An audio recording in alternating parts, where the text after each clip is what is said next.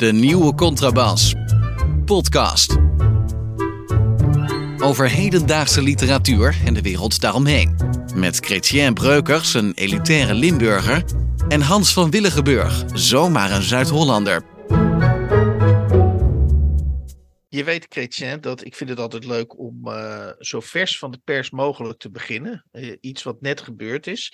Uh, en uh, alvorens wij de boeken gaan noemen die we straks verderop in de podcast gaan bespreken, heb ik net met iemand een chatconversatie had ik vlak voor, de, voor, voor we begonnen met opnemen. En ik typte de zin in. Ben jij eigenlijk pro-ballen? Pro-ballen? Ben jij eigenlijk pro-ballen? Vraagteken had ik aan niemand, uh, niet aan jou, maar aan. aan uh... Nee, dat kan ik me niet herinneren. Nee. nee. En, en, en, als ik nou aan jou vraag, uh, die zin, ben jij eigenlijk pro-ballen? kan, je, kan je die lokaliseren of zeg je, leg dat maar even voor me uit waar het over gaat? Nou, met ballen kan ik misschien wel lokaliseren, maar ik heb geen idee wat je ermee bedoelt. Nee. Oké, okay, nee, het ging over het feit dat. ik zag namelijk.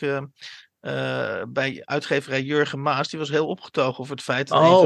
een van zijn nieuwste boeken vier ballen had gekregen bij de NRC. En ik vroeg me toen af, maar was er niet een collectief, zijn de ballen niet collectief en de sterren dus ook, zijn die niet collectief in de ban gedaan?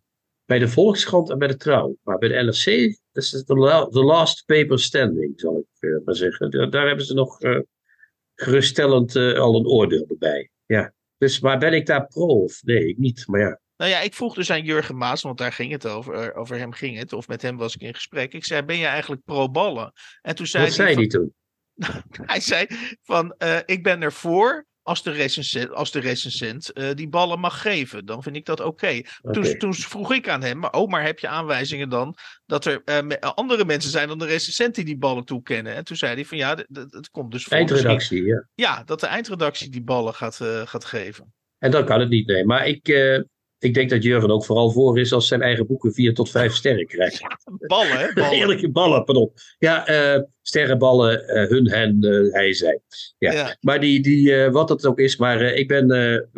heb je, welke boeken gaan we doen? Want we gaan niet. oh ja, nee. Maar we, gaan niet, we houden de bal okay, niet te lang ik, hoog. Ik, ik, we maken nee. dit wel even netjes af, want de, de vraag is dus nu, die overblijft aangaande de NRC, want we hebben al geconstateerd dat Trouw en Volkskrant dus van de, van de waardering of de sterren en de ballen af zijn gegaan. De vraag is nu, heeft, gaat NRC die ballen ook afschaffen? Volgens Jurgen hebben ze inderdaad het voornemen om dat te gaan doen. Nu is alleen nog de vraag, hebben ze de ballen om de ballen uh, uh, op te heffen? Dat, gaat het nu om. Ja, dat, dat denk ik. Nou, ja, als je ziet wie er allemaal schrijft, dat zal wel tegenvallen. Maar ik heb wel het idee dat het toch niet zo'n goede zaak is dat het afgeschaft wordt. Dat heb ik al eens eerder gezegd. Want je kijkt altijd eerst even hoeveel sterren. Dan weet je meteen ook uit welke hoek de wind gaat waaien. Mm -hmm. het is, het heeft, laat het inderdaad die recensent maar doen. Jurgen heeft wel gelijk. Als de recensent het maar doet, is het een mooi hulpmiddel. En niet alleen voor de advertentie achteraf, maar dan weet je ook een beetje wat kan ik verwachten. Dus, Oké, okay, ja. dus, dus nee, omdat we ons de vorige keer op de. Nu, nu, nu ga ik het onderwerp toch nog even iets langer maken. Omdat we ons de, zelf natuurlijk de vorige keer op de borst geklopt hebben. Dat wij nooit met ballen of sterren werken. En, en uh, wij hebben dat, ja, dat kun je natuurlijk heel, met heel veel trots en arrogantie zeggen. Dat hebben wij niet nodig. Nee, maar wij bespreken het boek zo duidelijk dat je wel weet of je drie of lager zit of drie of hoger. Ja, we en hebben zo'n kranten is dat vaak. Publiek, ja. Nee, ja. maar we zijn ook zelf intelligent natuurlijk. Ja. En in de krant is het wel vaak zo dat er een hele vlakke recensie staat en er staan ineens vier sterren bij.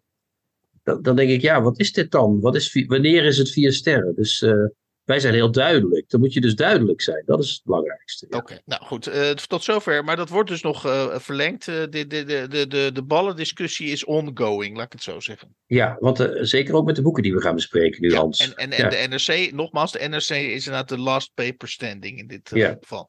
Welke Alleen in dit we... geval trouwens, ja. We gaan, we, we, gaan, we gaan het boek, Hans, het zijn roerige tijden. En, goede boeken zijn altijd actueel, hebben we vooraf besproken. Is en het zo? is heel ja, Vind, ik, vind ik wel. Hier hebben we okay. een boek, uh, dat is van Walter Kempowski. Het heet Heeft u Hitler gezien? Uh, het is uitgegeven door Alphabet. En het tweede boek wat we doen, misschien wou ik dat, het was uitstelgedrag. Het tweede boek wat we gaan doen, Hans, is Nirvana van wie anders dan Tommy Wieringa.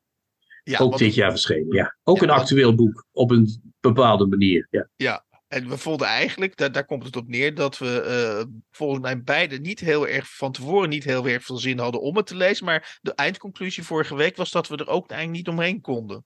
We konden er niet omheen. Het is namelijk, ik had het gelezen. Het is net alsof je met je voeten in drijfstand gaat staan en langzaam erin wordt getrokken. Om alvast iets weg te geven. We geven geen ballen, maar we zijn wel duidelijk, zei ik net. Uh, en toen we het eenmaal toch gelezen hadden, dacht ik, ja, dan moeten we ook maar eventjes iets uh, erover gaan zeggen, toch? En toen moest ik het ook gaan lezen, want ik had het nog niet. Heb je het gelezen als? Ben je er echt helemaal lief doorheen gekomen? Of niet? Of heb je ik, heb allerlei, ik, ik, ik, heb wel allerlei prachtige citaten en, en ook uh, typeringen heb ik eruit gehaald. Dus ik, okay. ik verheug me wel op, op de bespreking. Maar eerst gaan we even wat andere dingen bespreken. Om om, uh, zo langzamerhand, we zitten al bij, uh, bij aflevering 116 tenslotte, hebben we een hele verzameling vrienden van de shows. Dat zijn mensen die uh, het zij in de show geweest zijn, schrijvers, an andere mensen, recensenten. maar je hebt ook een heel, je hebt donateurs, maar je hebt ook iemand die heet Matthijs Deen, en ook niet onbekend, een, een, een, een schrijver, geen onverdienstelijk schrijver zelfs. En radiomaker ook, hè? Vast en, inderdaad, voorma meer, ja. voormalig radiomaker bij de VPRO. Ja. En die schreef onlangs dat uh, hij had een optreden. Kennelijk was een van zijn boeken vertaald in, de, in, de, in, in Duitsland. En hij had een optreden in een Duits theater. En, en hij scheen door twee heren uh, uh, ondervraagd te zijn. En hij beschreef dus in, op zijn Facebookwand dat bij, in ieder geval tijdens dat gesprek of bij het opkomen op het podium, dat de hele zaal in, in gejuich uitbarstte. En ja. toen zei hij dus, en dat maakte hem, hij was al een vriend van de show, want hij luistert volgens mij regelmatig, of misschien wel alle, alle shows. En toen zei hij, als, als Chrétien Breukers en Hans van Willigenburg nou, een eh, ik citeer je letterlijk, een tandje bijschakelen, zegt hij, dan voorspel ik dat ze ook zo toegejuicht gaan worden in het, in het theater. Ja, aan, aan, dat is als deze podcast online gaat staan, is het binnen een paar dagen, Hans. Dus, als het op zondag online staat, is het de woensdag daarna. Is dat applaus al voor ons, Hans? Want alle kaarten zijn nagenoeg weg. Ja, ja oké. Maar ik denk dat Matthijs. Ik, ik, denk eigenlijk alweer. Ik denk, en misschien Matthijs Deen ook. Of ik vermoed Matthijs Deen ook. Dit is ons eerste stapje. Dit is een soort babystapje, de Torpedo Theater. Maar wat nou, hij. Ja, is toch een babystapje? Oké, okay, nou, een klein beetje. Nee, binnen Meer dan een babystapje. Ja, ja binnen, de, binnen de context van de nieuwe contrabas is het een stap. Nee, oké, okay, ja, dat is precies. waar. Maar, we moeten okay. ergens beginnen, Hans. We kunnen precies, niet zomaar in carré gaan staan. Ja, kan wel, maar of er dan iemand komt, dat is nog de vraag. maar goed, Matthijs Deen. En dan wil ik hem. Ik, ik, had wel één vraag aan Matthijs Deen. Want hij zegt dus een tandje bijschakelen, zegt hij eigenlijk. Uh, uh, en ik vraag, en dat neem ik aan dat jij je dat ook afvraagt. Uh, welk, welk tandje en, en, en wat moeten we bijschakelen nog? Of, of zijn we klaar voor die triomftocht volgens hem? Misschien zijn die twee Duitsers wel heel hip en zo. Maar zo zagen ze er niet uit, hè? Dat, dat niet echt. Maar. Nee, ja, we moeten altijd een tandje bij, Hans. Dat is net als met wielrennen. Het moet altijd iets harder. Zo is het gewoon. Ik denk dat, ja. dat Matthijs ons gewoon lekker scherp wil houden. Ik kan me niet voorstellen dat hij dat ironisch bedoelt. Denk jij wel? Nee. Ik ga ik niet vanuit. Ga ik gewoon niet vanuit. Geloof ik gewoon niet. Nee. Nee.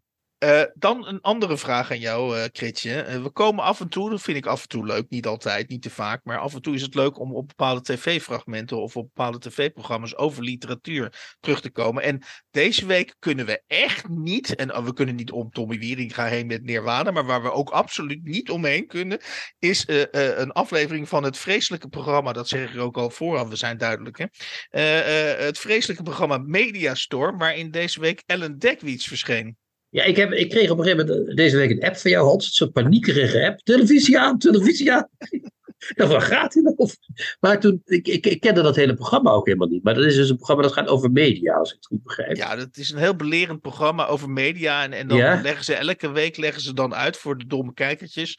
Uh, wat propaganda is en wat, wat de waarheid Ja, en toen kwamen we dus inderdaad, werden we geconfronteerd met Ellen Dekwits. Uh, en die ging uitleggen, als ik het goed begrepen heb, ik heb teruggekeken uiteindelijk, uh, dat bij de Nobelprijs uitreiken, dat als een auteur de Nobelprijs krijgt, ja. dat daar ook heel belangrijk bij is, Hans, let even op, beeldvorming. Dat zijn ze dus, en dat is een soort dubbele ironische laag, of een soort postmodernistische laag, op televisie, waar je in beeld bent, vertelden ze over de beeldvorming bij de, bij de toekenning van de ja.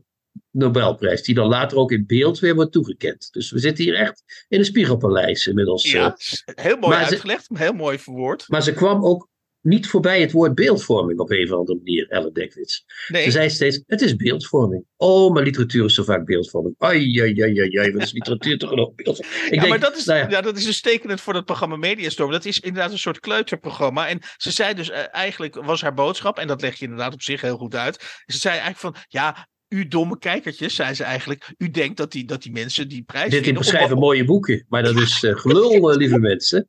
Dat is beeldvorming. En ik denk dan vooral, ja, Ellen Dekwits is wel een kenner op dit gebied, want die is, die is alleen maar beeldvorming ook. Maar, eh daar begin ik ook al. Eh, maar, maar, maar inderdaad, dat, en ze, die, die vrouw die dat presenteerde, bleef ook maar hengelen van. Waren er ook wel eens schrijvers die terecht hadden gehad? Het ze alleen maar. En ja, soms wel, vroeger misschien. En, en, maar ze kon alleen maar op de naam Thomas Tranströmer komen van de laatste jaren die het dan terecht had gehad. Ja, en, en je vergeet nog een heel mooi voorbeeld. Want ze, had, ze hadden ook. Je had het steeds over beeldvorming. Dus er waren, ook, eh, er waren ook beelden tijdens dit item. En ze had eh, Gabriel Garcia Marquez in zijn witte ja, ja, pak. ja, oké, nou ja, goed. Nee, ja, neem het maar over. Ja, Ja, ja maar dan, dan zei ze dus, ja, hij kwam daar in een communistisch pak. Kwam die, eh, om, om te laten zien dat hij voor de communisten was. En volgens mij, ik weet niet zeker, maar het was toch geen communistisch pak, Hans, wat ik daar zag? Of Ja, wel? maar ze bedoelde dus, eh, eh, dat viel in die tijd goed. Dat was precies het juiste pak.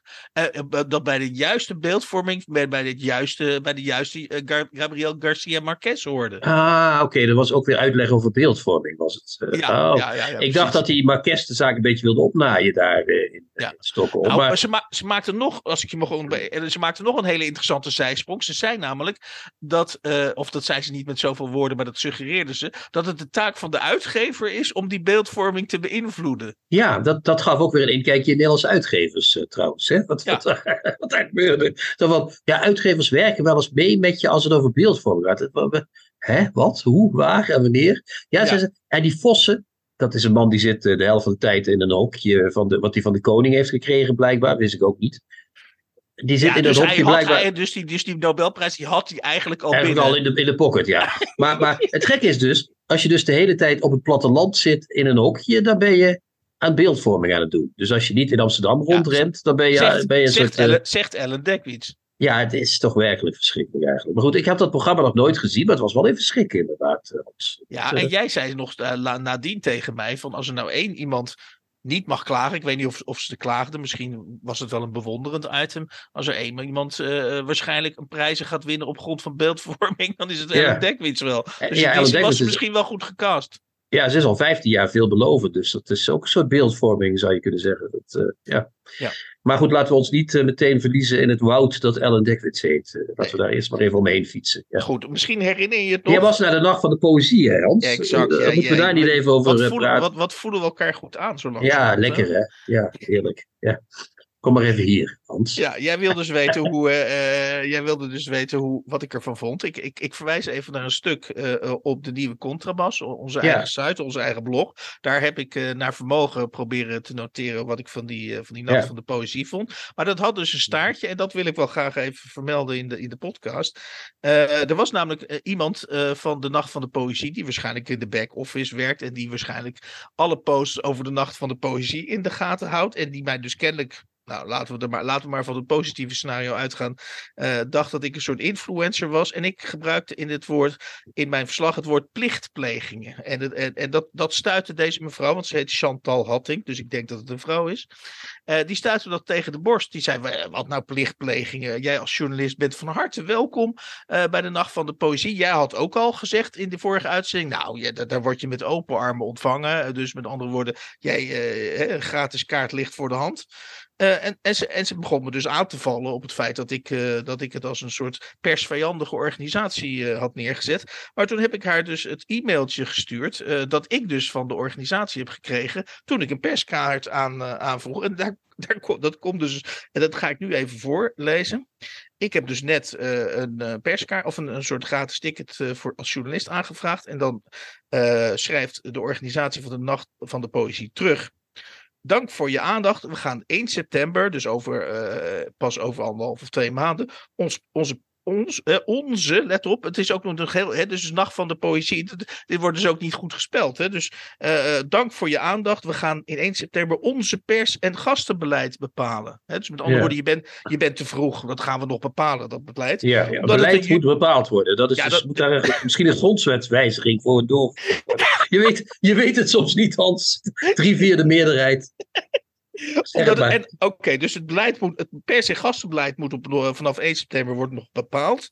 En omdat het een, eh, ik, ik ga even verder met de tekst, omdat het een jubileum is, zal er beperkt plek zijn. Eh, wordt er op voorhand al, al gezegd. En dan zeggen ze, voor de pers is sowieso beperkt, kaart, zijn, is sowieso beperkt kaarten beschikbaar.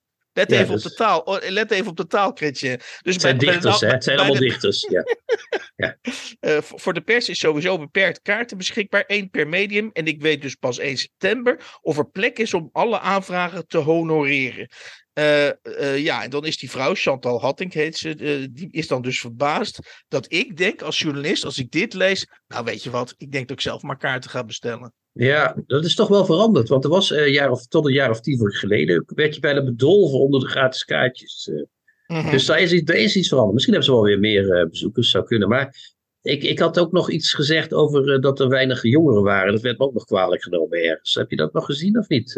eh? Oh nee, eh, werd je Ja, dat zei, eh, ja ergens, ergens op Facebook bij jou.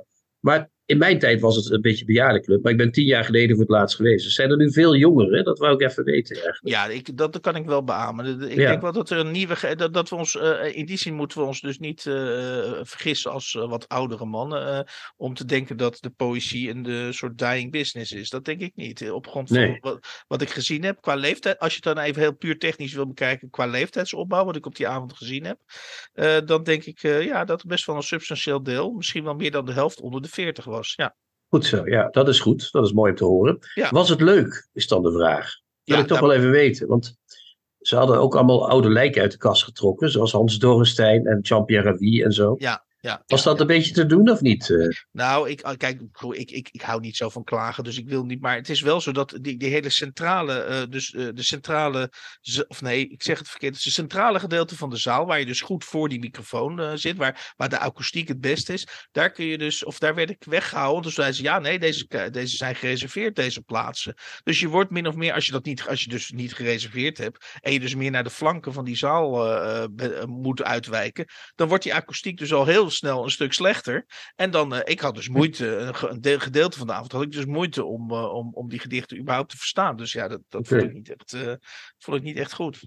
Nee, en het is tegenwoordig ook zo dat het programma niet meer. Vroeger lag het programma vast. Dus je, zo en zo laat is die en zo nee, zo dat doen ze die. expres dus niet meer. Ja, dus nu moet je iedere keer maar in de zaal gaan kijken of er wat te doen is. Eh, Ja, exact. exact. Nog een hoogtepunt in dichtkunst gezien? Of niet? Waarvan je zegt, nou, dat is Nou, dichter, daar iedereen, moeten we iedereen reageerde, want ik moest, of ik ben om twee uur ben ik, eh, ja, het heet de nacht van de poëzie, dus je zou kunnen zeggen, als diehard moet je tot vier uur blijven, maar ik ben om twee uur ben ik, heb ik de kuierlatten genomen. Toen eh, moest ik met de trein via Amsterdam, Leiden, Den Haag en het Delft. kwam ik- ja. kwa- kwam ik uiteindelijk in Rotterdam terecht. Dus dat duurde bijna twee uur. Dat was wat minder.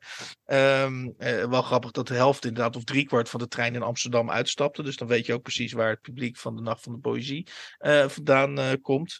Ehm, nee, ik, ik, ik zag geen uitschieter. Maar iedereen zei ja, maar je hebt Joost Omen gemist. Ja. Ja, maar dat ben ik wel. Daar zou ik heel gelukkig om zijn als ik jou was. Of niet? eh, die blije gimpel. Ja, verschrikkelijk. Ja, ja. En, en, dan heb je Alara Adilov gezien? Die was er ook. eh, Ja, Alara Adilov was er ook, maar ze deed eh, eh, eh, slechts twee gedichten. En ze deed dit lange, dat lange, succesvolle gedicht, haar, haar, haar, haar, Over haar- Haar hit eh, over de witte billen van Rutte. Die deed ze Ja. inderdaad. Dus eh, ik had het. Het, ik had niet het idee dat ze heel lang bezig was, was geweest om de gedichten, haar, haar programma samen te stellen. Ze dacht waarschijnlijk, nou, dat is een groot publiek. Ik, ik gooi die hit er gewoon in. Wat, wat, waar niks tegen is. Zeer maar- terecht, ja. ja, ja. Ja, ja, Goed. precies. Eh, tot slot nog even. Jij hebt de vorige week.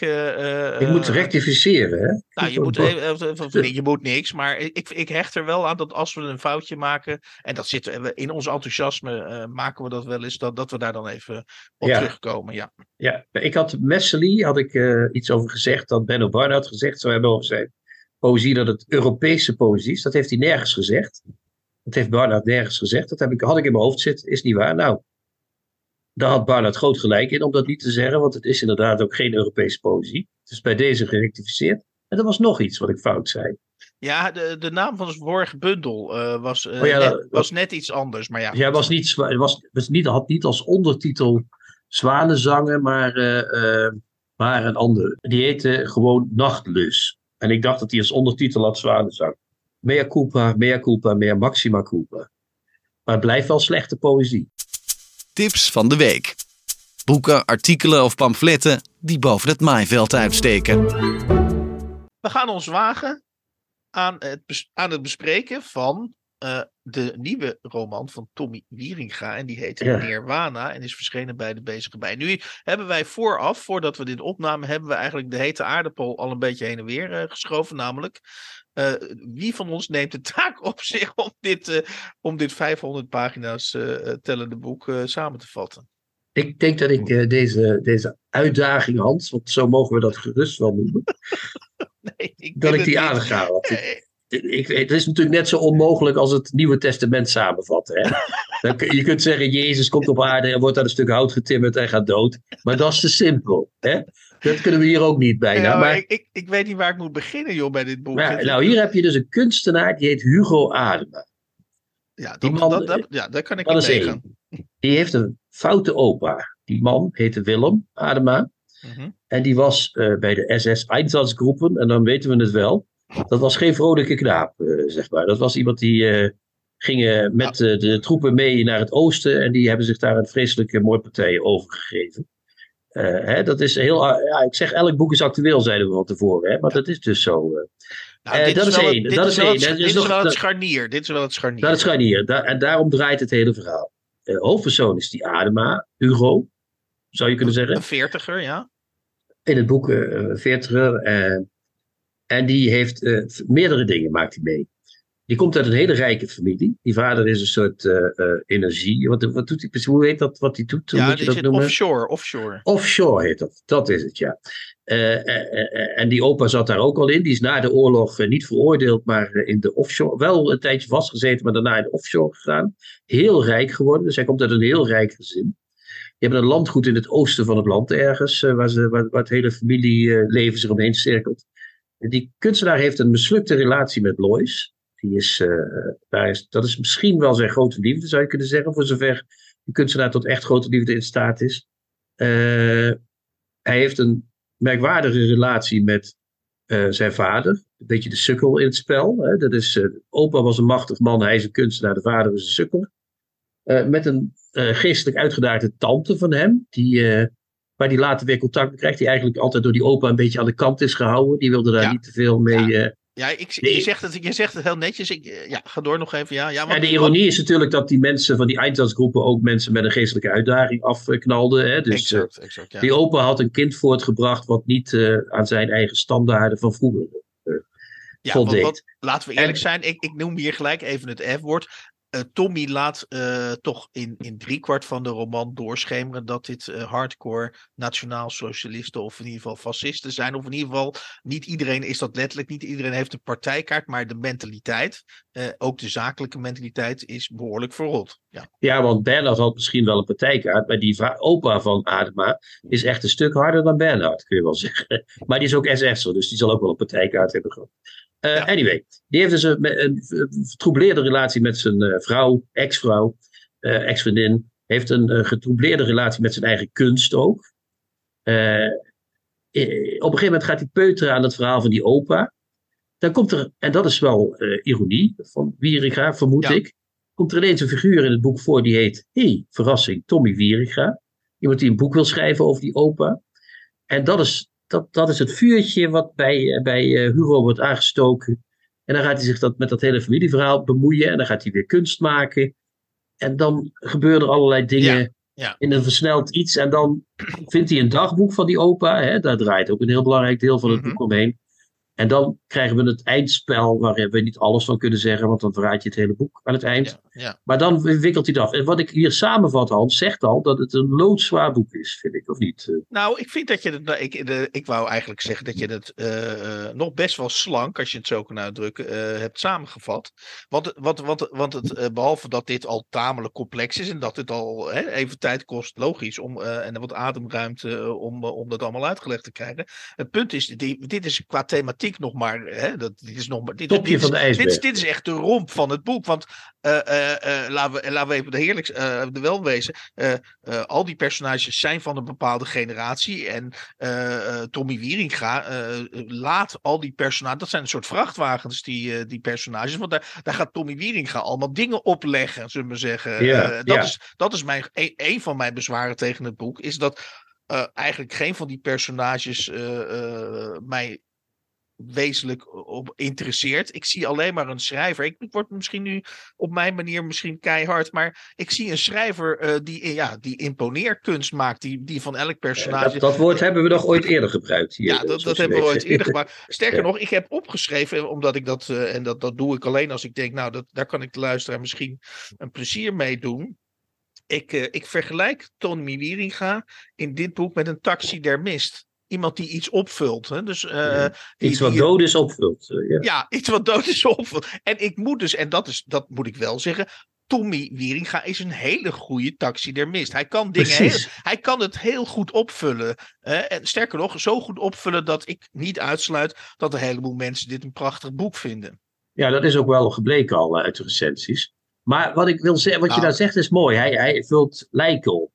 hè? Dat is wat een taxidermist doet. Ja, Ehm, het boek is, en ik vind om te beginnen, en dat is echt zo, dat Wieringa een groot talent is. Dat, maar dat is wel al iemand van in de 50 met een groot talent. Dus dan moet er ook een mooi boek uitkomen, zou je zeggen op den duur. Ja. En het gekke is dat hij met dat grote talent, dat is misschien zo groot, dat, het, er- dat hij een reus op lebe voeten wordt. Talent is te groot voor wat er op, op, op schrift komt. Eh, begrijp je wat ik bedoel? ja, ja, ja, ik snap het. Ja, dus wat ik in dit boek steeds zie, is dat ik. Op zich is die opa een mooi motief voor een roman. Want die heeft de foute kant gekozen mhm. voor de oorlog. Maar na de oorlog natuurlijk ook de foute kant, want dat speelt ook nog een belangrijke rol. In de vervuiling van het milieu met die offshore business. Ja, ik Uh, eh, ja. dat, die hele verhouding tot die opa en zijn vader is één roman. Die verhouding eh, met eh, zijn vrouw is roman twee.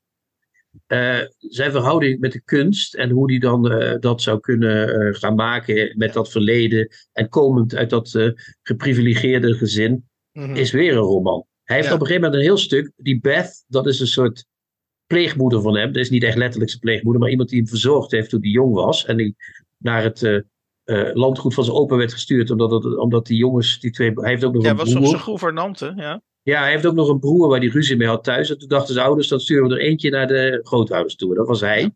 Ja. En daar werd hij door zijn gouvernante werd hij opgevoed. De, met dat verhaal dat die gouvernante doodgaat. Dat vond ik trouwens het enige echt geweldige stuk in het hele boek. Die, die dood van die gouvernante. En die, die, die, hoe die daar dan nog voor zorgt. En hoe die daar nog mee omgaat. Is een roman op zichzelf. Zou je zo een roman van kunnen maken.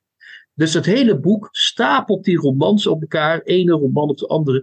Maar het gekke is, hij heeft in dit boek Nirvana het idee. Ik moet iets zeggen over het opbranden, niet letterlijk, maar het opbranden van de voorraden van de aarde. Ja. En dat we, alle verhalen worden opzij geschoven omdat.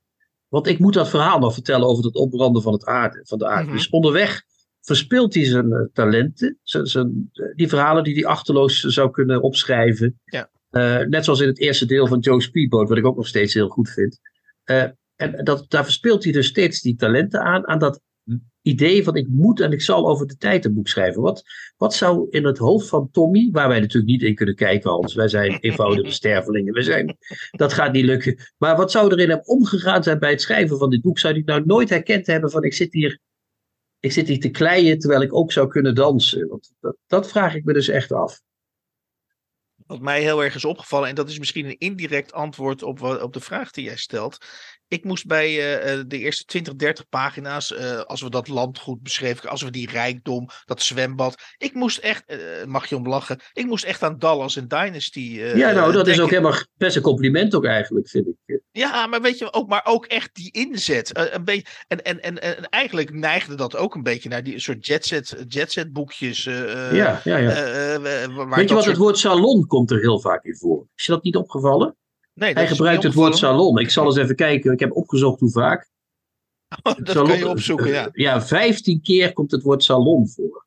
Het is dus een, salon, een salontafelboek, Hans. Gewoon zonder, eh, zonder dat hij het in Ja. de gaten had. hè. Maar wie zegt er nog een salon? Wie zegt dat nog? Ja. Zelfs in landgoederen zeggen ze dat volgens Ja, mij ja, niet precies, eh, precies. ja. Dus Dus eh, eh, eh, ik heb het idee, maar dus, dus als jij vraagt aan mij waarom Hans neemt hij, want dat zeg je eigenlijk op een, op een iets andere manier, waarom neemt hij, waarom neemt geen genoeg om, mooi, om al die motieven, om daar aparte romans van te schrijven? Waarom wil hij per se dat grote gebaar over het opbranden van die aarde? Dat is omdat ik echt het idee had, mag je, dat hij, ik heb net een taxi daar misgenomen, ik, ik, ga, ik ga nog een vergelijking op loslaten. Hij stelt zich hier zich hier op als eh, de CEO van zijn eigen proza-imperium. Hij heeft het idee dat hij allerlei eh, projecten gedaan heeft en dat hij daar overheen moet op een of andere manier. Ja, en dat is een hele rare gedachte natuurlijk. Hè?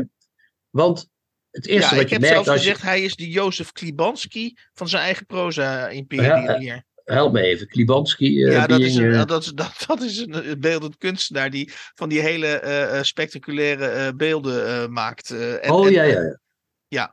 Maar goed, maar dat Ja. is hij ook, ja. Hij, hij, dat is het misschien. Hij heeft toch, hij heeft zich niet zozeer aan zijn eh, talent vertild, want dat heeft hij. Maar hij heeft zich hier echt vertild aan wat hij wilde. Dus dat is misschien wat jij bedoelt. eh. Ja, De- de- nou de- ja, hij, hij, hij heeft. Kijk, iemand wil zichzelf steeds. En dat is misschien eh, om ook. eh, eh, dus hij heeft talent. Er zitten goede stukken in dit boek. En er zijn allerlei redenen. Of, of zeg, hoe zeg je dat? eh, eh, niet redenen, maar excuses. Om, om te zeggen: oké, we geven Tommy nog. En een van die excuses is ook dat hij gedreven wordt door, door, ambi- door mateloze ambitie. En hij heeft zoiets van: ik moet iets schrijven wat, ja, wat eigenlijk alles overstijgt. En dus neemt hij eh, in zijn ogen het meest fundamentele, eh, het meest fundamentele thema van nu, namelijk het klimaatprobleem. eh, Ja. neemt, hij, neemt hij als overkoepelend thema en daar schuift hij al die andere Ja. subthema's onder. En, Ja. en daar wordt het boek, en dan spreek ik even puur namens mezelf, Kretje, daar wordt het boek zo topzwaar van, dat ik echt, ik kreeg weer, ik, ik, ik zou, dat is heel raar. Het is net alsof je zit caviar, dus zit te eten met, bij Tommy, dus het smaakt goed.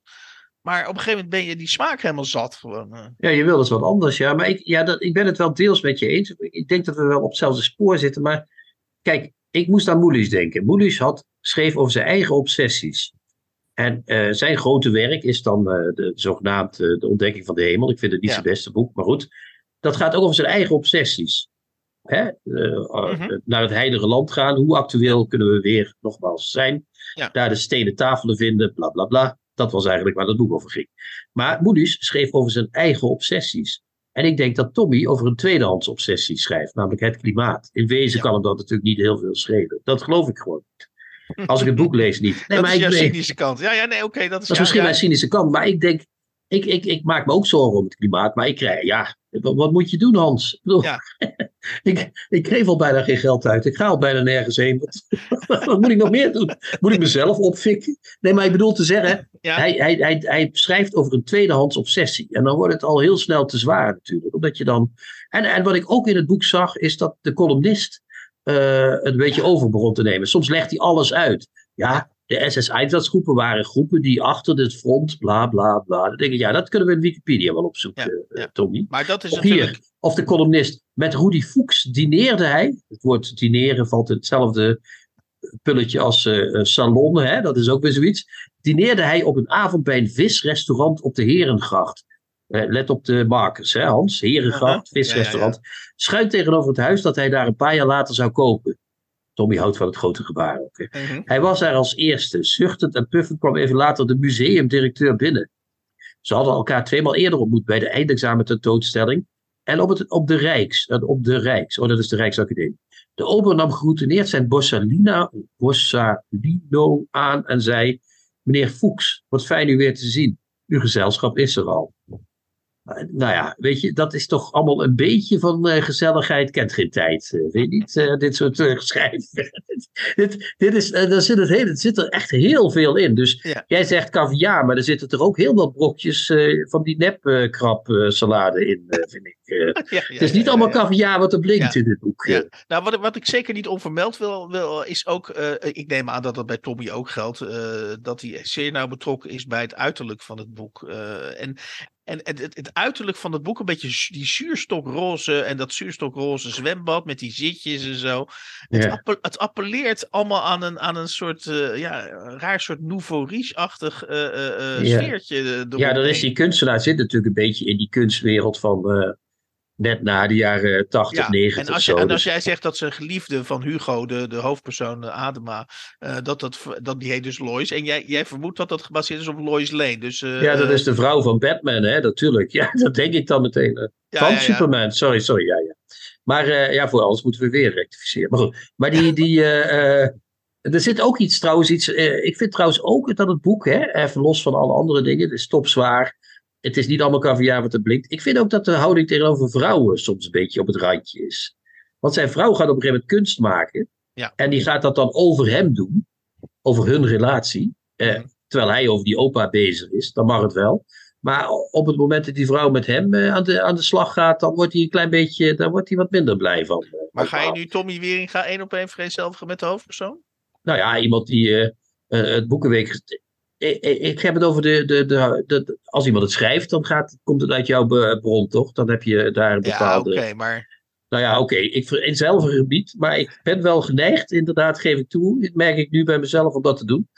Eh, nee, daar kun je laten we zeggen, de, hoofd, ja. de hoofdpersoon vind ik een eh, behoorlijke misogynist. Een misogyne figuur, bedoel ik zo. Ja, maar dat wil niet Ja. zeggen dat Tommy dat zelf is. nee, dat was, even daar ging ik wel te ver, hè, geloof ik. Wat lekker Ja, dat moest ik even Ja. Maar we houden elkaar scherp. Ja. Dat is toch de reden dat Ja, maar ik, ik ben toch maken. bang dat dit toch wel eh, uit een diepere bron komt dan wij kunnen denken. Maar goed, eh, dat is Oké. Even tot slot, want, eh, wij, wij, wij, wij, eh, spreken het woord consumentenvoorlichting doorgaans met, met, de, met een licht D uit. Maar mensen die naar onze pot. Ik, ik hoorde gisteren trouwens, sprak ik met iemand die zei. Ik kijk altijd bij de nieuwe contrabas. Wat er eerst, voordat ik geluisterd, kijk ik eerst wat er besproken eh, wordt. Met andere woorden, eh, als dat, niet, als dat mijn, eh, in, de, in de ogen van de luisteraar niet interessant genoeg is, dan wordt het overgeslagen. Dus, Ja, dan moeten we dus nooit meer aankondigen wat we gaan doen. Dat is van luister maar gewoon. Jammer dan. ja, dat, dat, dus daarvoor zou het inderdaad ook een, Ja, ja. een, een argument kunnen zijn. Maar ik heb bij, bij omdat dit natuurlijk echt een groot boek is. En, en tegenwoordig weten we van grote boeken dat die ook hele uitgeverijen overheid moeten houden. Dus hè, je krijgt bijna de indruk dat als Nirvana geen succes wordt, dat de hele bezige bij ook een fictieknauw eh, gaat krijgen. Ik weet niet of dat echt Dat hebben ze al maar- gehad. Er zijn al mensen ontslagen. Ja, precies. precies. Dus, Ja. dus vind ik wel dat we met een soort eh, eh, richting onze luisteraars zeggen. Wat, wat is nu eigenlijk. Wat, wat, wat, wat adviseren we rond Nirvana? Nou, ik, ik kan er niks aan doen en ik wil niet de bezige bij op mijn geweten hebben. Maar ik zou dit. Je bedoelt het afsterven van de bezige bij. Ja, ja, ja, dat is natuurlijk een mooie verzetsuitgeverij, bla bla bla. Ja. Maar ik, ik zou dit boek niet lezen, eerlijk gezegd. Eh, ik zou, kijk, je zou voor schrijfs. kijk, het- wat hij ook nog doet trouwens, eh, maar ik moet nog, toch nog één ding zeggen. Hij probeert Salter na te doen, hè, die Amerikaan, waar hij altijd zo gek op zegt. Oh ja, zijn. daar is hij een bewonderaar van. Ja. Ja, die schrijft ook met zo'n brede streken. Die schrijft ook over vrouwen zo, zoals Tommy over vrouwen schrijft. Zijn hoofdpersoon laat denken over vrouwen, zo laat Salter zijn hoofdpersoon ook over vrouwen denken. Dus ik denk dat, ja, het, het, is, het is wel, ja, het is, als je nooit leest, is het wel wat. Maar ik zou het niet lezen als ik eh, de mensen was.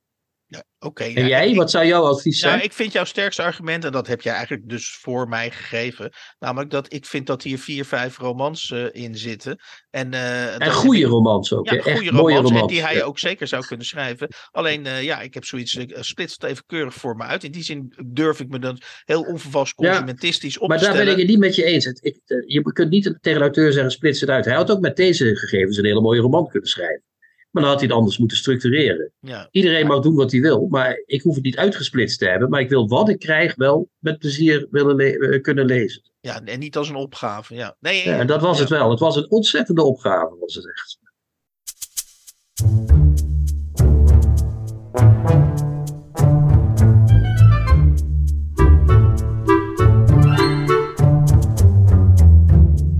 We hebben nu, eh, Hans, eh, het tweede boek wat we hebben.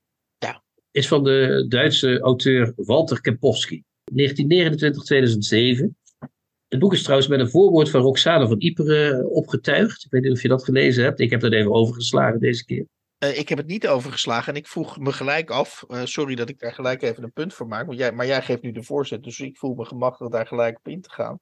Ik vroeg me af of eh, Walter Kampowski zich niet in zijn graf omdraait. Als eh, als die Roxane van Ypres zou kennen.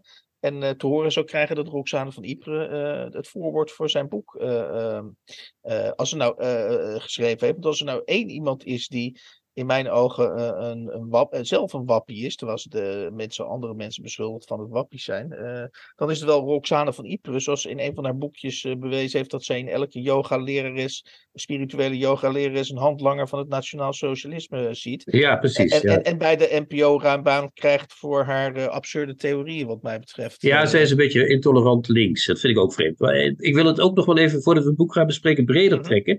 We lezen de laatste tijd zoveel boeken met een voorwoord, Hans. Uh, Jan van Mersbergen bij Otto Pavel. Jan Jaap Scholte bij John Fenty. Mhm. -huh. Nu dit weer.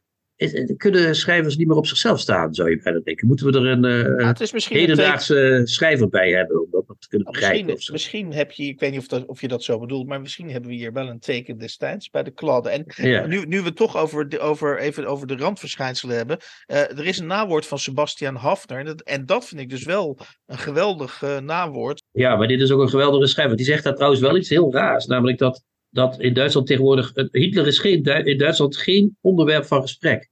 En dan kun je toch wel zeggen dat dat een wat oud boek is al, uh, een oud voorwoord. Want ja. inmiddels is Hitler toch een behoorlijk onderwerp. Dat was meer de jaren zeventig nog, toen dat nog een beetje piano Ja, toen dit boek, dit boek verscheen in 1970, meen ik. Nou ja, er zijn, het is eigenlijk, dat, dat is een mooi bruggetje Hans, fantastisch. Uh, het zijn twee boeken. Het zijn de boeken Haben Sie Hitler gezien? Heeft u Mhm. Hitler gezien? En het tweede boek is Haben Sie davon gewusst? En dat heet in het Nederlands Wist u ervan? En die zijn uit 73 en 79. Uh, heeft uh, aan mensen die hij tegenkwam, taxichauffeurs, winkelbediendes, timmerman, boekhandelaar, redacteur, iedereen, zet hij er ook altijd even bij, korte aanduiding van wat die persoon was of is, gevraagd twee dingen. Eerste vraag, heeft u Hitler gezien? En jaren later kwam hij dus met die vraag, wist u ervan? Mhm. En het was toen zo, inderdaad, dat mensen over Hitler nog liever niet spraken. Hè? Dat was nog een beetje een taboe. Daar kon je niet zomaar. De, de verwerking van de oorlog was in de jaren 60, zou je kunnen Ja. zeggen, echt begonnen. Ja, en daarom Met heeft ook- hij dus die, daar, omdat het toen nog taboe was, heeft hij die vragen eigenlijk zo neutraal, nou ja, zeker die mogelijk eerste, gesteld. Eh, eh, dus zeker die eerste vraag. Want, want mijn, eh, je begrijpt natuurlijk wel dat mijn journalistieke hart enorm open gaat bij dit Ja. Ik, zeker. Ik vind, ik, ik vind het fantastisch dat hij dus een boek heeft gemaakt met de vraag: Heeft u Hitler gezien? En dat dan Ja. 500, eh, duizend keer gevraagd aan verschillende mensen. Ja, ja, en die- geweldig. En die antwoorden heeft hij natuurlijk zo listig gecomponeerd en samengebracht dat als je dat Oeh, daar leest. zegt hij iets gevaarlijk. Hij, je zegt dat hij zijn antwoorden gecomponeerd heeft. Terwijl, Nou, eh, hij heeft misschien de antwoorden zelf niet gecomponeerd, maar hij heeft natuurlijk wel de volgorde van die antwoorden. Dat, dat antwoorden vermoeden heb ik ook. gecomponeerd. Maar ja, Ja. dat vermoeden heb ik ook dat hij dat gedaan heeft. Hoewel, hij dat Dus, hoewel hij dat dus zelf ontkent, hè? Hij zegt gewoon dat het de volgorde is waarin hij dat heeft. eh, ja, exact. Maar dat geloof ja, ik inderdaad. Dat, dat vind ik ook moeilijk te geloven. Het zou kunnen, zou kunnen. Het was wel een eh, steile man. maar wat, het, wat het mooie eraan is, is dat als je dat leest, dat je echt het idee hebt dat je. Het gekke is, hij, hij maakt via een soort zij-ingang, gaat hij de geschiedenis in. Hè? Heeft u Mhm. Hitler gezien. En dat maakt allemaal verhalen los. Echt fantastische verhalen allemaal. Ja, het Dus- wordt heel moeilijk om dit boek te bespreken zonder Ja. steeds te citeren. Wat ik, wat ik zelf heel Laten we hilarisch... het eerst, het eerste citaat vind ik al fantastisch. Ja, Kantoorbediende, M, mannelijk, 1921. Nee, ik heb Hitler niet gezien. Ik was al die tijd aan het front. Nou, Dat is toch al een roman op zichzelf al, hè? Kijk, dat, dat, dat zou je Tommy nou eens even moeten laten zien. Dit was nou, nou, hè? Dit, was nou dit is nou schrijven, zeg. ja ik, ik zou bijna zeggen, dit is een foto negatief van, van, dat, van dat opgedirkte werk van Tom. Ja, precies, ja, ja, ja. ehm, nee, en wat vind je van dit dan? Eh, eh, ja, nogmaals, ik ga toch maar citeren. Want het Ja, is, doe maar, want het- is niet te doen. eh, Let, let op, ja. hè, let op. Heeft, de vraag is dus, heeft u Hitler gezien? En dan zegt een huisvrouw, we waren tevreden. Op zondag was er gebak. Ja, precies. Ja, beetje, beetje, gezien, hè? meteen- Gezien. Heeft u Ja. Hitler gezien? We waren Ja. tevreden. Op zondag was er gebak. Ja, dat is toch fantastisch. eh, Dat is toch, dat betekent dat die vrouw, die, daar is een vlekje aan, daar zit een vlekje aan, die vrouw. Dat weten we meteen, hè? Ja, die heeft iets te verbergen, Waarschijnlijk toch? wel, dat is wel de suggestie. Maar misschien eh, zegt, denkt ze wel echt bij Hitler. Oh, dat was die tijd eh, dat ik tevreden was. En waarin ik steeds gebak op zondag was. Ja. Ja, ja, ja, ja. ik heb Hitler goed gekend. Ik was ook heel tevreden over hem. Productiemedewerker, 1911 geboren. Hij was altijd vriendelijk. Ik heb hem een paar keer ontmoet en hij was altijd heel aardig en open. Ik kende hem uit de partij. Daar, daar zou Bernhard ook een voorbeeld aan kunnen nemen. Hè? En dit soort eerlijkheid. Gewoon hup.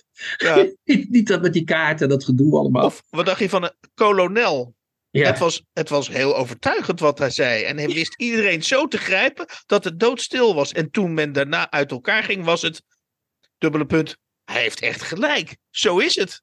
Ja, het is toch, de, de, de geschiedenis kun je wel beschrijven, maar die kun je nooit natuurlijk zo beschrijven als vanuit mensen die op een of andere manier erbij zijn geweest. Hè? Ja, ja, ja, dus le- letterlijk erbij. Niet, niet zo van de film gezien of eh, we hebben alle documenten bestudeerd. Het, is het is historisch werk en tegelijkertijd. Het is literatuur en historie door elkaar, eh, of zoiets. Ik, weet niet hoe ik het precies moet beschrijven. Dat, eh, dat, Nou, ik, ik, heb, eh, ik, heb, ik heb deze twee boeken, gep- eh, dus, dus eer Nirwana van Tommy Wieringa en daarna Walter Kempowski lezen. En ik heb gisteren aan een tafel gezeten eh, met mensen die zeiden, eh, en ja, daar zit wat in, dat, dat, dat de lezing van een boek altijd beïnvloed wordt door het boek wat je daarvoor gelezen hebt. Dat is deels denk ik waar. ja. Eh, eh, ik zat bij Tommy zat ik op een rangeerterrein en nu kwam ik bij Kempowski kwam ik in het open veld eh, terecht. En eh, ja, dat, ja, dat voelde bevrijdend, kan ik je zeggen. Inderdaad. Ja, het is, het, is, het is een verschrikkelijk onderwerp in die zin. Hè? Maar het is wel Ja. qua schrijven, gooit hij alles open. Dat is zo. Hier, Overbouwer, 1915. Dat is uit, heeft u het, eh, wist u ervan? Ja, Eh, concentratiekampen, niet gezien, wel van gehoord. Eigenlijk wist iedereen, als je je mond open doet, kom je in Dachau terecht. Dat vond men over het algemeen wel terecht. Had hij zijn mond maar moeten houden, zei men dan. Ze moeten daar werken, daar is toch niets mis mee? Maar dat ze alles in looppas moesten doen, was een idee dat ons erg vreemd voorkwam. In looppas graven, maar verder was het in orde. Ja. ja, dat is toch ook weer één roman.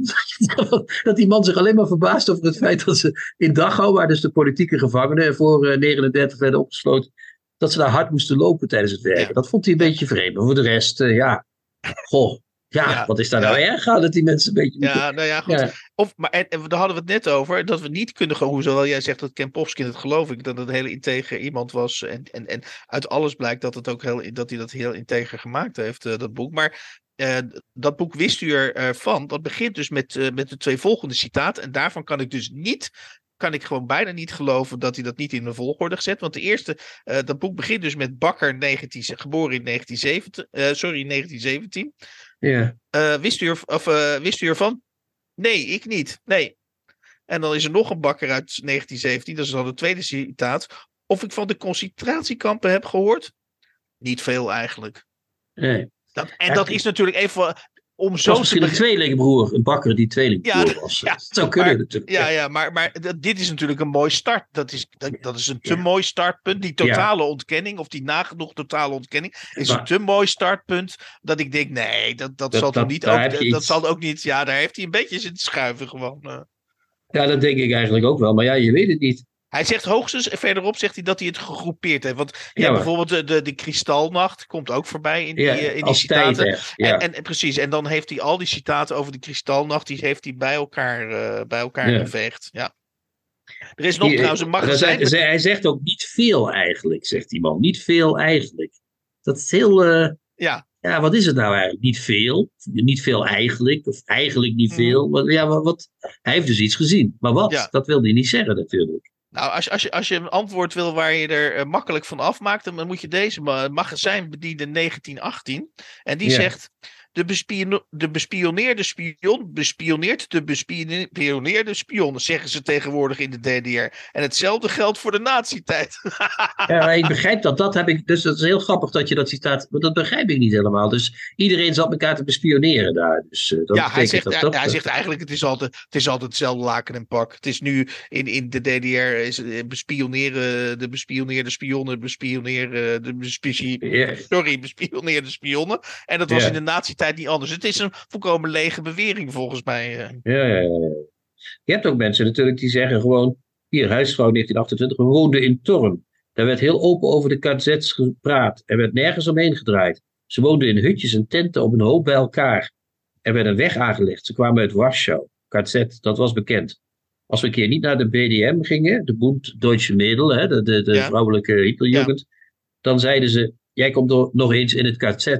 Dus er waren ook mensen die gewoon eh, Ja. zeiden achteraf van, eh, ja. Ja. Maar daar gaat het eigenlijk helemaal niet om, dit boek. Het gaat erom dat hij dus een manier heeft gevonden om geschiedenis te schrijven. Hè? En, Exact, en, dan, en dan wordt het literatuur. En dat zou je in, in verband kunnen brengen met, met ons vorige boek. Eh, Ja. de, de, Tommy heeft niet de manier gevonden, de, de, de ingang, het open Ja. veld, zoals Ja, jij dat ja, noemt. Kijk, je kan het als smakeloos ervaren dat we af en toe in lachen uitbarsten. eh, Vergeef ons. Maar eh, hij, Nou, ik- inderdaad, ja. inderdaad, Kempowski, die geeft een soort staalkaart van. van eh, natuurlijk uiteindelijk ook een soort staalkaart van wat we tegenwoordig wegkijken eh, eh, noemen. Dus eh, eh, hij laat zien hoeveel ruimte er in je hoofd nog is.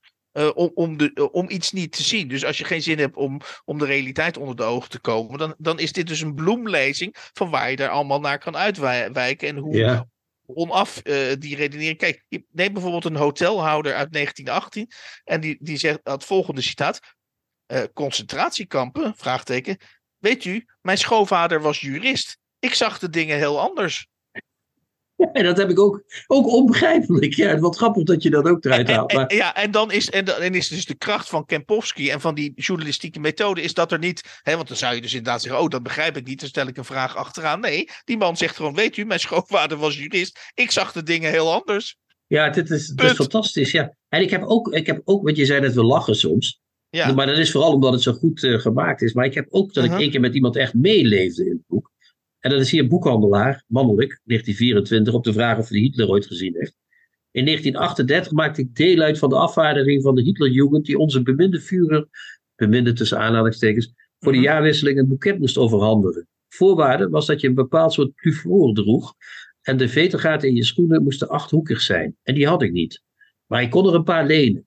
Dus we zijn op 31 december naar de Obersalzberg gegaan, waar we hebben staan wachten terwijl de oren van ons hoofd vroren. Steeds weer werd geroepen: de Führer komt, of de Führer komt niet, en dan weer: de Führer komt. En tenslotte kwam er een dikke man naar buiten die, ze- die gewoon zei: de Führer heeft geen tijd. Nou, toen leefde ik toch heel even ja, met die arme boekhandelaar eh, uit 1924 mee. Want Ja. die heeft daar, eh, ja, ja, ja, die heeft daar toch zijn, die heeft zijn kans om de geschiedenis in het gezicht te kijken. Min of meer eh, gemist. Begrijp je Ja. wat ik bedoel? Ik bedoel Ja, dit ja, niet ja, als ja. van wat fijn om Hitler te zien, maar meer van. Ik begrijp die lichte teleurstelling in die jongen ook wel, eh, Ja. eh, die daar stond. Ja, en, en dan natuurlijk toch, de, de, de, eh, want daar, daar, dat is natuurlijk ook gaande, de gruwelen die maar, zeg maar in de meest huiselijke, in de meest huiselijke tafereel, die, die, die zeg maar in, in één beeld komen met de meest huiselijke tafereeltjes. En dan is er een huisvrouw uit 1901 en die zegt dan het volgende. Ja, maar je wilde er gewoon niet aan. Tot ik op een dag zag dat de Jodinnen in Berlijn zich gepakt en gezakt ergens moesten melden. We kwamen net terug van wintersport en ik was behoorlijk van slag toen ik ze zo zag. ja, we waren terug. Ja, zie je? dus, dus, zo, dus, zo werkt het dus. dus we ja, kwamen bent- uit de Alpen en toen zagen we opeens al die mensen staan. En toen was ik toch. Het woord behoorlijk vind ik hier Ja, ook ja, wel grappig. eh, be- behoorlijk van slag. Ja, dat is dit behoorlijk. We hebben er toen een toetje minder om gegeten, waarschijnlijk. of zo. Je, weet- je weet het niet. Het is, het is, het is, dit, is dus, dit is dus geschiedenis. Hè? Dat is dus. eh, Ik zou, dit ik zou bijna zeggen tegen hele, hele batterijen van hoogleraren geschiedenis. Kruip eens in de huid van Walter Kempowski. En ga hetzelfde doen eh, als, eh, als, als hij. Ja, leg het vast voordat het verdwenen is. Precies, ja. ja.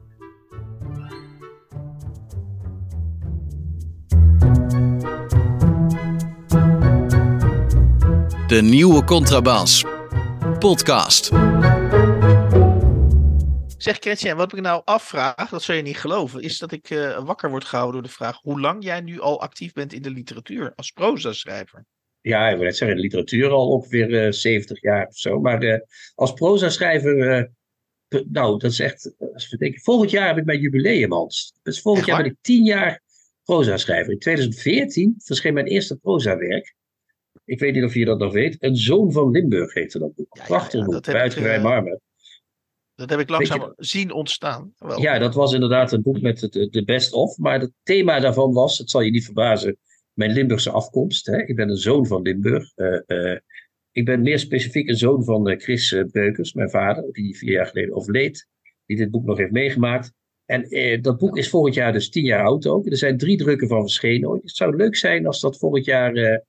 het- misschien moet ik daar eens op inzetten. Dat dat weer opnieuw onder de leeshongerige massa's wordt verspreid. We zullen zien. Dat boek had één verhaal. Daar, daar sloeg eh, iemand op aan, Hans, die wij ook af en toe moeten gedenken. Namelijk eh, Wim Brands. Weet je nog? ah ja, ah ja. van het ja, boekenprogramma. Eh, die, die heeft mij toen uitgenodigd daarvoor. Dat gaf mij het, het kontje om echt de, de, de, de proza in te gaan. En die was helemaal gek van dit verhaal over de hond ophangen. Even de hond ophangen. Ken je dat nog? Ja, dat ken ik. we dat eens even doen? Want ik denk Doe als ik dat voorgelezen heb, dat E- Evelien aan de kerk hier naartoe komt. Niet, met, niet alleen met een speltje voor eh, de beste. eh, voor- dat we allemaal de beste leesbevorderaars zijn. Maar dan krijg ik ook nog, denk ik, een klein eh, Ja, voederbakje wat- voor een hond. Ja, want net als Tommy Wieringa eh, hebben wij natuurlijk ook een grotere missie. Een grotere missie is natuurlijk leesbevordering ook. Hè? Net zoals Marcel van Roosmalen zijn wij de mensen van de leesbevordering. Ja, Ja, En wij hoeven daar niet voor offshore te gaan, maar we gaan voor een speldje. wij gaan voor een speltje en wij gaan ook echt door tot we het hebben. En ja, ik begin een beetje boos te worden dat we het nog niet hebben. Maar goed, eh, het geeft ons wel de gelegenheid om lekker aan onszelf eh, te werken iedere keer. Eh, even de hond ophangen. Favoriete verhaal van Wim Brands. Mijn vader was kruidenier. Toen ik jong was, vond ik dat mijn vader alles wist en alles kon. Dat was ook zo. Hij wist hoe je geld moest tellen. Hij kon een gesprek voeren met mensen. En hij zorgde ervoor dat wij, zijn gezin, er goed van konden leven. Vier keer per week laadde mijn vader zijn Volkswagenbus vol met kruidenierswagen en met een enorme hoeveelheid brood. En dan deed hij de ronde. Hij bracht bestelde kruidenierswaren en brood naar de mensen uit ons dorp. En dat verleende hem, van mijn standpunt uit bezien, een grote status. Op een van zijn rondes door het dorp betrad mijn vader het erf van een door door oude, van een door een oude vrouw bewoonde boerderij. Haar man was al jaren dood en deze vrouw, een verwaarloosde, ongewassen oude heks, wenste zich niet in een bejaardentehuis of verzorgingstehuis te laten wegstoppen. Ze vond zichzelf nog sterk en goed bij en wenste te sterven waar haar man dat had gedaan, in hun huis. Dat ze inderdaad sterk was, kon mijn vader die ochtend van dichtbij constateren. De vrouw trok aan een stuk zeiltouw dat over een dikke tak van een boom was geworpen. Aan het uiteinde van het touw, in een met padvindersprecisie gemaakte strop, hing de oude herdershond van de vrouw. Het beest spartelde met alle kracht in zijn lichaam tegen. Wat doet u daar? De vrouw gaf een paar ferme rukken aan het touw. De herdershond gaf het op en hing, nog naschokkend, slap aan het touw. Als laatste daad van verzet liet hij zijn uitwerpselen in het rond spatten. Mijn vader werd net niet geraakt. De vrouw hield het beest nog een paar minuten in de lucht en liet het touw daarna los. Het ontzielde hondenlichaam plofte op de grond. Dag Bakker. Mijn vader werd door iedereen Bakker genoemd. Hij bracht immers het rood, brood rond. Ja, het is wat. Ik was even de hond aan het ophangen. Nou ja, dan komt er nog een, stukje verder. En dan zal ik het eind eh, daarvan eh, nog doen. Het is natuurlijk een vrij chockerende mededeling als je zegt ik was even de hond aan het ophangen. Vanaf die, dag, vanaf die dag zeiden mijn broer en ik, dat is het slot van het verhaal, als er iets vervelends te doen stond waar we echt niet onderuit konden komen, een proefwerk, een begrafenis van een ver familielid, een bezoek aan grootouders, kom, we gaan even een hond ophangen. Zo verwierf de oude herdershond van de uiteindelijk straatoud geworden vrouw zich een naleven in onze familietaal. Nou, Hans, was dat een mooi begin of was dat geen mooi begin? Eh, gew- geweldig, Ja, het, het is wel, eh, ik zou zeggen, herdruk, toch? Of niet? eh? absoluut. Ik, ik, als ik je uitgever was, dan eh, rende Dan ik wist je- dan de- wist jij het wel, naar de? Ja. drukkerij. Ja. Ja. Nou, wel eerst even een pdfje maken voordat je naar de drukkerij eh, rent. Hè? Niet, niet, niet zomaar naar de drukkerij rennen. Dat is een beetje raar natuurlijk. Maar goed, dus eh, ik zou zeggen, dat veldje, lieve mensen, komt daar nog wat van? Of hoe zit dat? Het is werkelijk geweldig hoe jij hebt gestreden tegen de ontlezing. En hoe jij de liefde voor het lezen en het boek hebt aangewakkerd bij al die honderdduizenden. En wij strijden daarin zij aan zij. En daarom vind ik het een eer dat ik namens de CPNB, dat is de collectieve boekpromotie in Nederland, dat ik jou mag kronen tot ambassadeur van de leesbevordering. Dit is een zeer felbegeerde speld. De enige echte ambassadeurspeld. Hij is voor jou.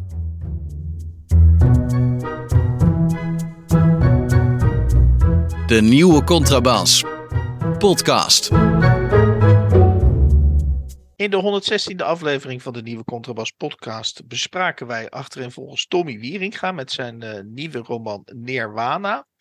Eh, verschenen bij eh, uitgeverij De Bezig bij in 2023. En ik denk dat er weinig boeken zijn die we eh, op verschillende manieren geprezen hebben, maar waarvan we het eh, totaal toch eh, met omlaag gestoken duim doorgeven aan de luisteraar. Toch?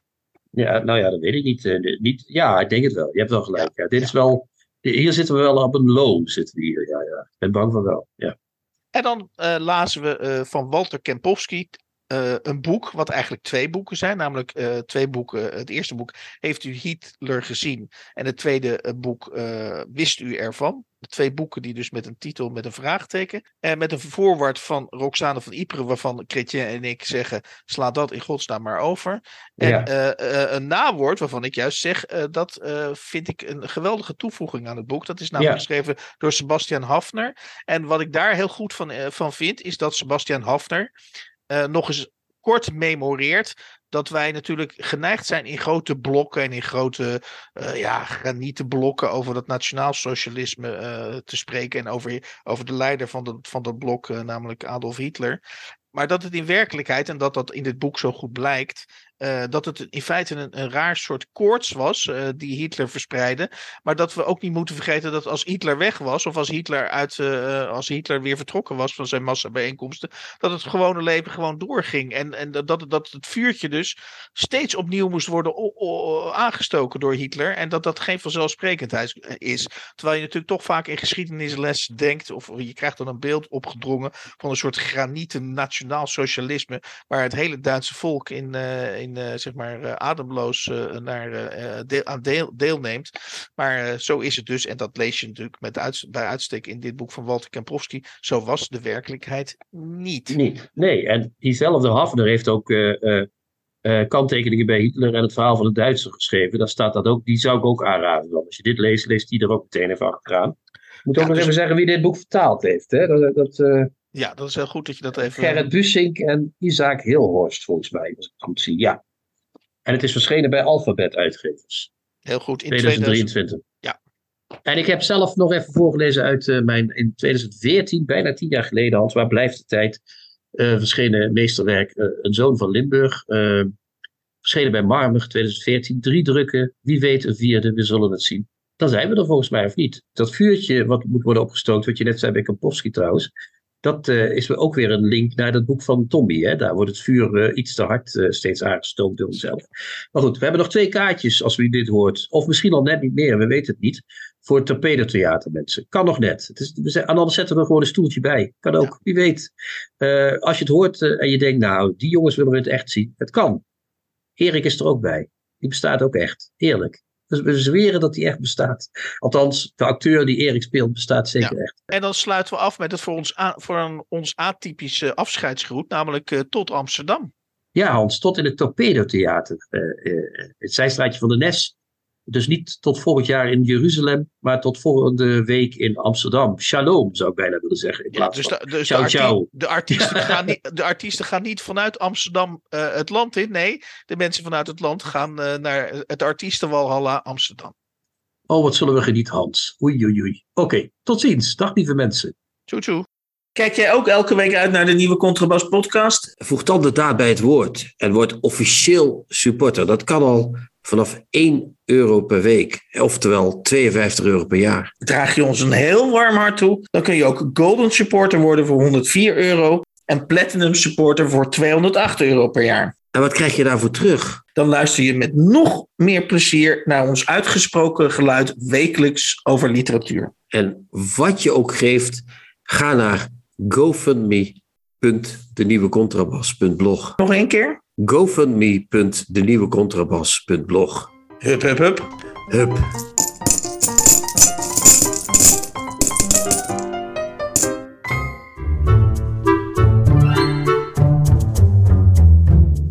De nieuwe Contrabas podcast wordt gemaakt door Chrétien Breukers, Hans van Willigenburg en Erik Lindenburg.